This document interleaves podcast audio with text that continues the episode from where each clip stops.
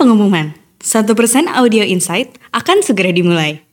Bersama Kayla dan Muti, rasakan perubahan dalam kehidupan Anda setidaknya 1% setiap harinya. Hai, You're listening to 1% Audio Insight.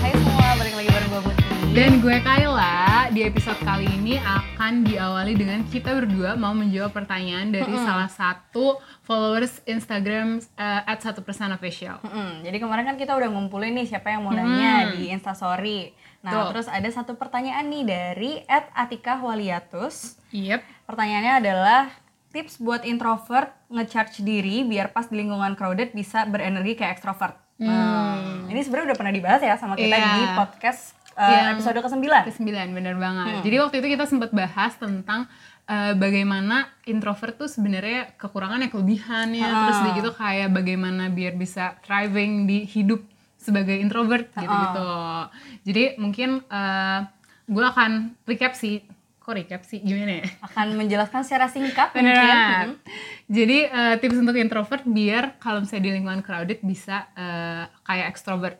Sebenarnya pada akhirnya nggak ada bedanya gitu sih kalau misalnya introvert sama extrovert di lingkungan crowded. Cuma uh, bagaimana uh, kelihatannya sih nggak ada bedanya. Tapi uh, gimana ya? hasil akhirnya hasil akhirnya pokoknya Hasil kalau akhirnya, misalnya hmm. udah berinteraksi lama Iya. itu pasti ada perbedaan Benar. kalau misalnya dari extrovert ya kita Pasti eh, tambah. nah, tambah iya. berenergi karena. Hmm. interaksi sama orang sedangkan kayak yang introvert itu malah ke drain mungkin karena Jadi kayak capek, capek gitu Ha-ha, kan karena terlalu banyak ketemu sama orang segala macam. Nah, tipsnya adalah eh, ini sama, ini berlaku untuk semua apa namanya, untuk semua eh, apa yang mau lo lakuin gitu as an introvert ini berlaku.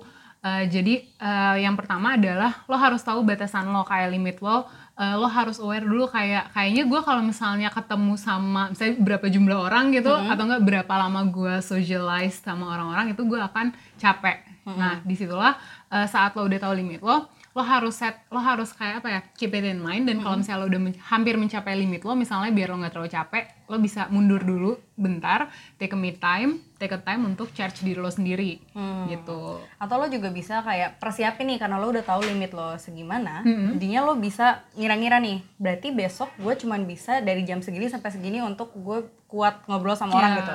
Untuk energi energi gue masih cukup. Nah lo harus siapin juga uh, waktu untuk lo ngambil nafas tadi yang Bener. dibilang sama Kayla Bener dan banget. jangan lupa buat introvert walaupun lo tahu nih limit lo segitu tapi jangan pernah mengekang diri lo untuk gue cuma bisa segitu gitu. Iya, iya. Jadi eh, walaupun lo udah aware sama limit lo, lo juga harus tetap harus challenge yourself. Karena kemarin tuh kita sempat ngomong sih untuk tetap menumbuh, eh, menumbuhkan, tetap menanamkan growth mindset di dalam di dalam diri lo, no matter what your personality is, gitu.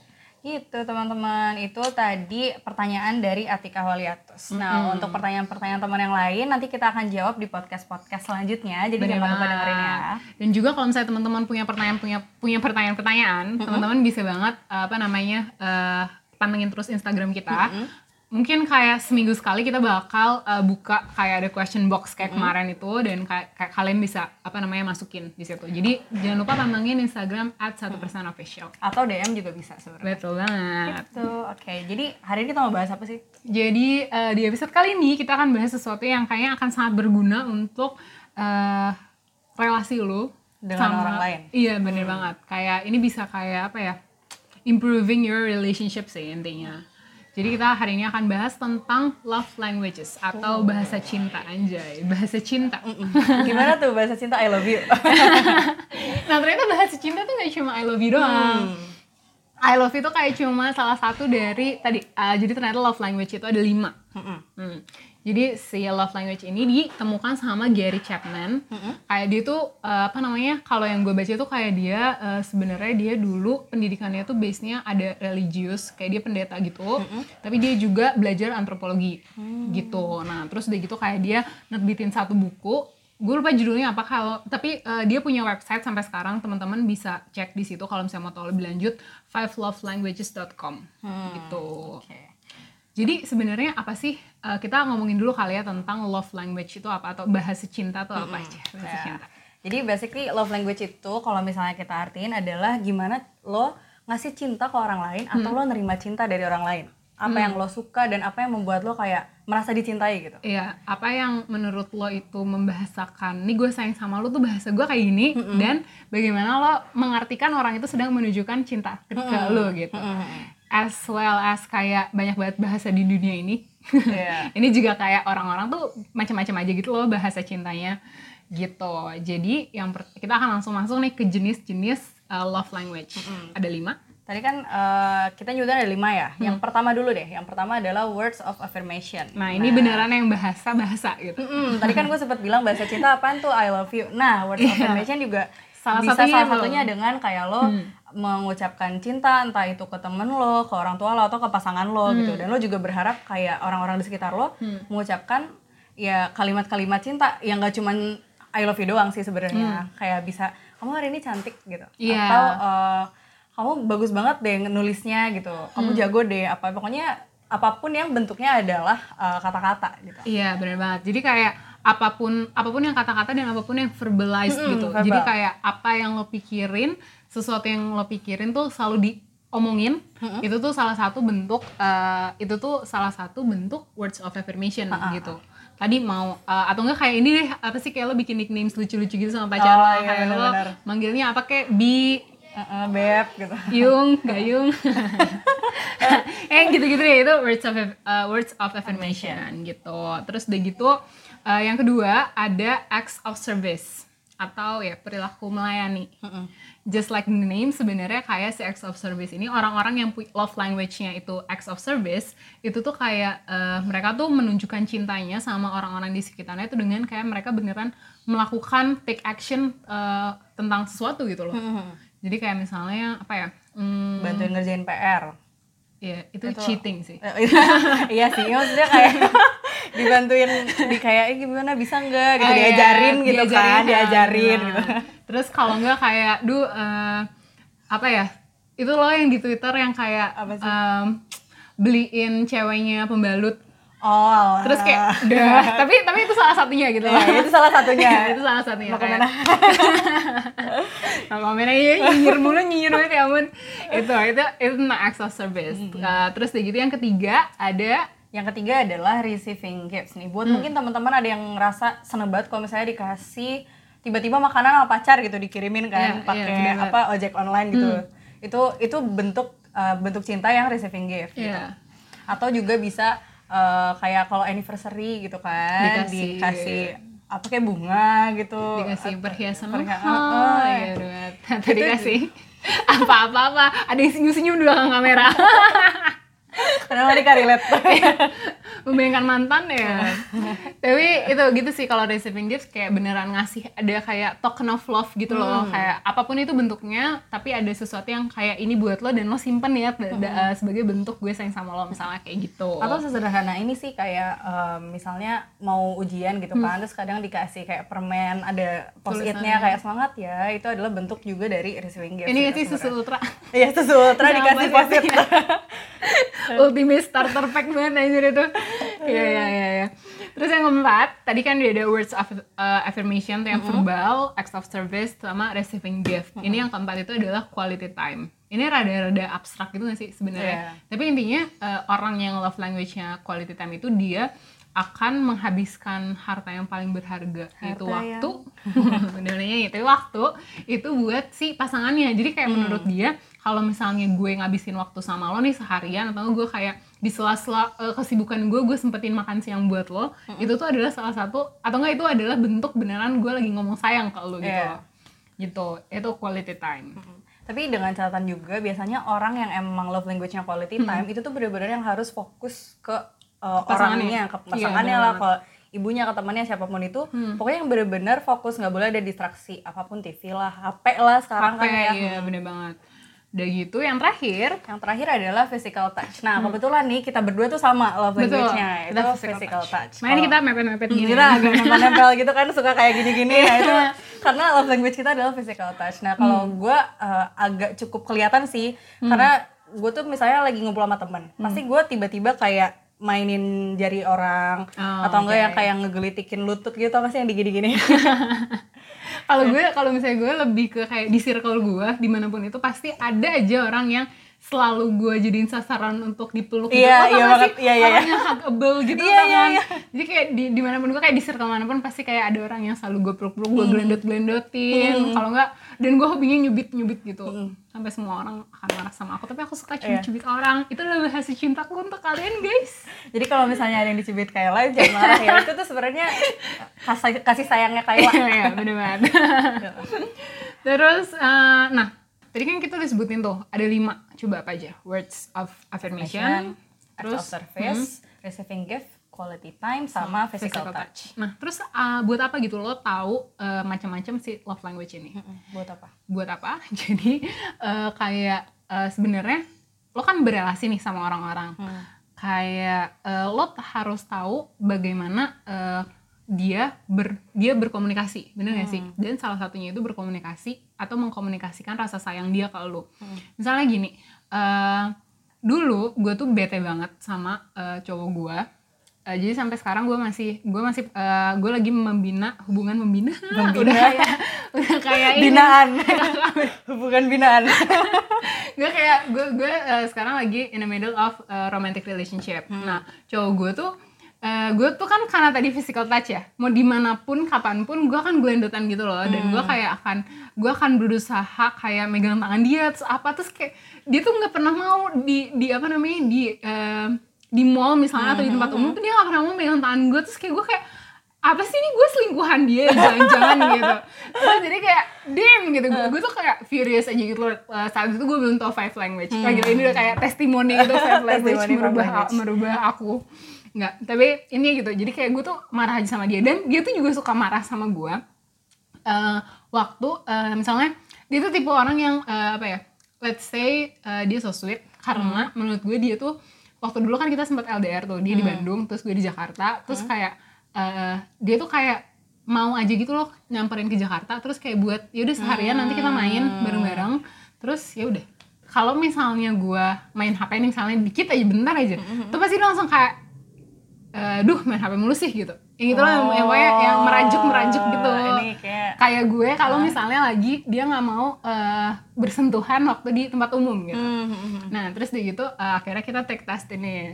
Iseng-iseng gitu kan. Oh ternyata gue tuh physical touch terus dia eh, quality time gitu. Jadi emang ternyata marahan-marahan kita tuh emang karena nggak sama aja. nggak sama aja tapi kalau dibilang sayang atau enggak ya sayang gitu tapi beda aja gitu loh cara eh, mengungkapkannya gitu Itu ya guys pentingnya tahu love language, Love lo tuh language. apa. Nah, gimana sih cara taunya? Yang pertama, lo bisa observasi sih. Sebenarnya paling gampang tahu adalah orang lain yang lihat, lo bukan diri lo sendiri yang ah, merhatiin. Jadi kayak kalau misalnya lo mau tahu love language lo apa, lo bisa tanya temen lo. Misalnya kayak kebiasaan gue apa sih di dari lima ini gitu, Iya. yang paling sering gue lakukan. Atau lo bisa juga lihat temen lo kayak um, misalnya temen lo touchy kayak gue gitu oh berarti bisa jadi love language dia adalah uh, physical touch atau bisa jadi kayak uh, temen lo itu uh, suka semangat ya semangat ya kamu gitu. Itu bisa jadi love language dia toxic positivity. Oh gue kira enggak positivity.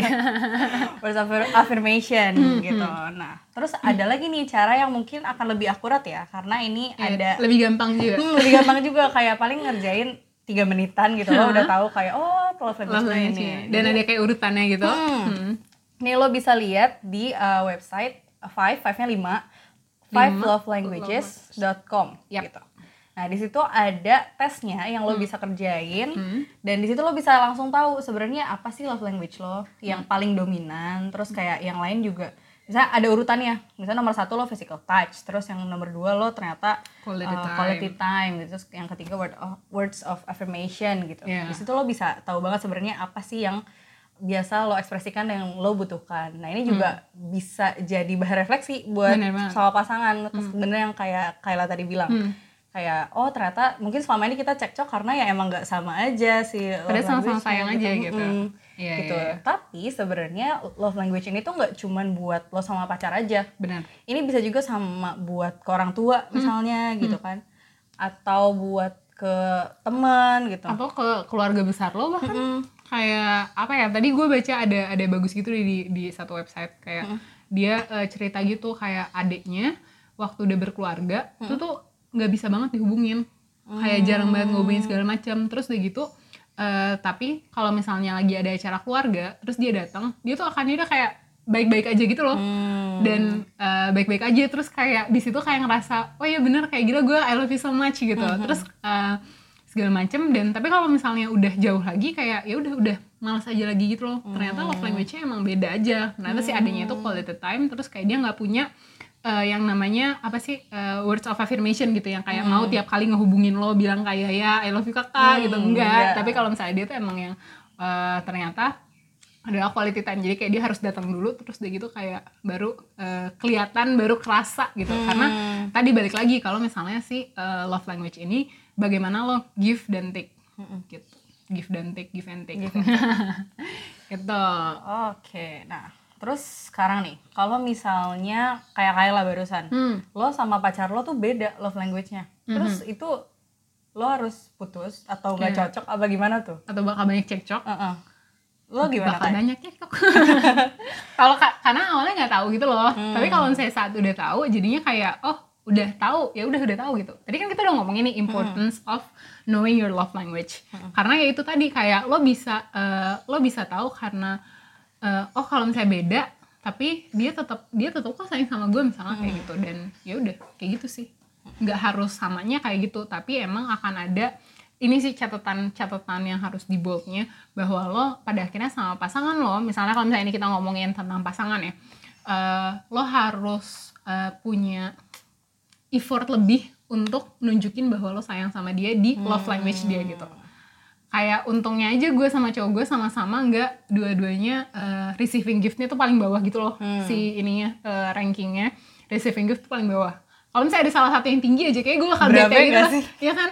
Duit gue habis buat beliin dia kado gitu kan tapi ini enggak jadi kayak Hmm, Oke. Nah terus ada sebenarnya ada beberapa tips nih buat teman-teman yang Hmm. ternyata punya pasangan terus pas udah dicek di five love languages terus ternyata beda, beda. ya gimana tuh? Nah yang pertama harus cari tahu dulu tadi. Ah, ya, Nah, tadi. cari tahu dulu kayak sebenarnya love language-nya dia tuh misalnya uh, words affirmation. Nah itu tuh kayak gimana sih? Hmm. Gitu. Words affirmation tuh bentuknya apa? Iya. Yang dan dia yang dia suka tuh kayak apa? Hmm. Gitu. Nah, mungkin lo kayak udah tahu aja dia uh, words of affirmation tapi uh, words of of affirmation yang kayak Kayak- gimana kayak gitu gimana, loh, yang dia suka kalau receiving gift receiving gift kayak apa yang dia suka gitu terus yang kedua Terus yang kedua kan udah yang pertama kan udah tahu tuh gimana eh, yang dia mau. Nah, yang kedua coba lakuin sesuai apa yang pacar lo eh, pengen, sesuai apa yang cocok sama pacar lo. Hmm. Gitu. Jadi misalnya kayak eh, misalnya gue physical touch nih, tapi ternyata pacar gue lebih ke eh, quality time. Jadi eh, gue lebih mengusahakan untuk oke, gue eh, menghabiskan waktu nge-spare waktu dalam seminggu beberapa kali buat dia ya, kayak gitu. Karena ya menurut pasangan gue mungkin dia lebih sukanya sama Iya. waktu gitu. Iya iya bener banget. Dan eh, kan kayak kita juga harus keep in mind bahwa ini tadi gue ulang-ulang sih give and take kan. Jadi kayak waktu saat eh, pasangan lo ngasih ke lo eh, love language dia, menunjukkan ke lo love language dia, lo terimanya dengan apa ya mempersepsikan bahwa itu cara dia ngomong sayang ke lo gitu loh. Jadi kayak ya gitu. Mungkin buat cowok gue, gue gue kayak gelendotan di tempat umum sama dia tuh annoying tapi uh, as the, uh, at the same time kayak lo juga harus ngerti bahwa uh, itu Iya. itulah love language gue gitu Nah, itu sebenarnya masuk ke kompromi sih. Kayak Iya. sebagian dari kompromi. Nah, selain kayak lo ngerti uh, pasangan lo bentuknya kayak apa, tapi lo juga harus balik lagi mengusahakan. Kalau misalnya pacar lo udah ngusahain nih uh, ngebanyakin physical touch karena lo sukanya physical touch, nah lo juga harus melakukan hal yang sama. Gitu. Iya. Gitu. Itu cara-caranya. jadi uh, untuk menjawab pertanyaan yang paling berat itu apakah bisa atau enggak Sebenarnya bisa. Bisa. Yang penting komunikasiin, ya nggak sih? ya dan it- itu sih bener banget tadi yang pertama itu bahwa lo harus tahu dulu tahu dulu dan pada uh, terus abis itu nanti lo akan effort effort effort seperti relationship pada umumnya Gitu. Nah, tadi kan kita udah jelasin apa aja five love languages yang ada. Iya. Terus kalau misalnya pasangan lo ternyata beda juga gimana. Iya. Nah, sekarang waktunya buat lo cari tahu sebenarnya apa sih love language yes, love languages lo gitu. Itu lo bisa langsung buka aja website yang tadi gue udah bilang five love languages. languages.com dan ya udah lo bisa mulai dengan cara ca- eh, mulai dengan cari tahu apa love language lo gitu. Gitu. Oke deh, ini ada pengumuman Kayla sebelum kita tutup. Wih, pengumuman. Jadi eh, sebenarnya mau aja sih teman-teman, kalau misalnya butuh temen ngobrol lebih lagi, eh, temen buat kayak membimbing lo ke tujuan lo, esin membimbing, nggak membimbing banget sih sebenarnya pada akhirnya eh, lo yang akan Memilih, memutuskan. memutuskan dan menjalani, tapi untuk menemani sepanjang perjalanan lo, lo bisa banget lo punya mentor. Mm-mm, gimana tuh caranya? Lo bisa banget eh, punya mentor me- apa namanya dengan cara melakukan online mentoring di satu persen. Yap. Kalau misalnya teman-teman butuh info lebih lanjut, eh, langsung buka aja Instagram kita di at satu persen official. Dan di situ udah lengkap semuanya, ada linknya di bio. Eh, di situ kayak teman-teman bisa baca-baca, cari tahu lagi, bisa langsung daftar juga. Dan Terus jangan lupa untuk cek video-videonya satu persen di Mm-hmm. YouTube. Jangan lupa, jangan lupa like, subscribe, sama ngasih notifikasi dari satu persen. iya dibunyiin loncengnya. Dibunyiin loncengnya. Iya, dan jangan lupa juga untuk apa namanya eh, Dengerin podcast kita. bener banget Mm. di Spotify dan di Spotify doang. Spotify dan Inspigo, Beb. Ah iya, iya bener Inspigo teman-teman tungguin ya. Kayak kalau misalnya kalian belum eh, eh, apa namanya install aplikasinya langsung aja install dan tungguin kita di hari Jumat dua minggu sekali eh, akan ada satu persen X Inspigo. Mm-mm, gitu deh, karena udah beres. Jadi aku Muti pamit undur diri. Aku Kayla pamit undur diri sampai ketemu di episode selanjutnya. Bye. Dadah.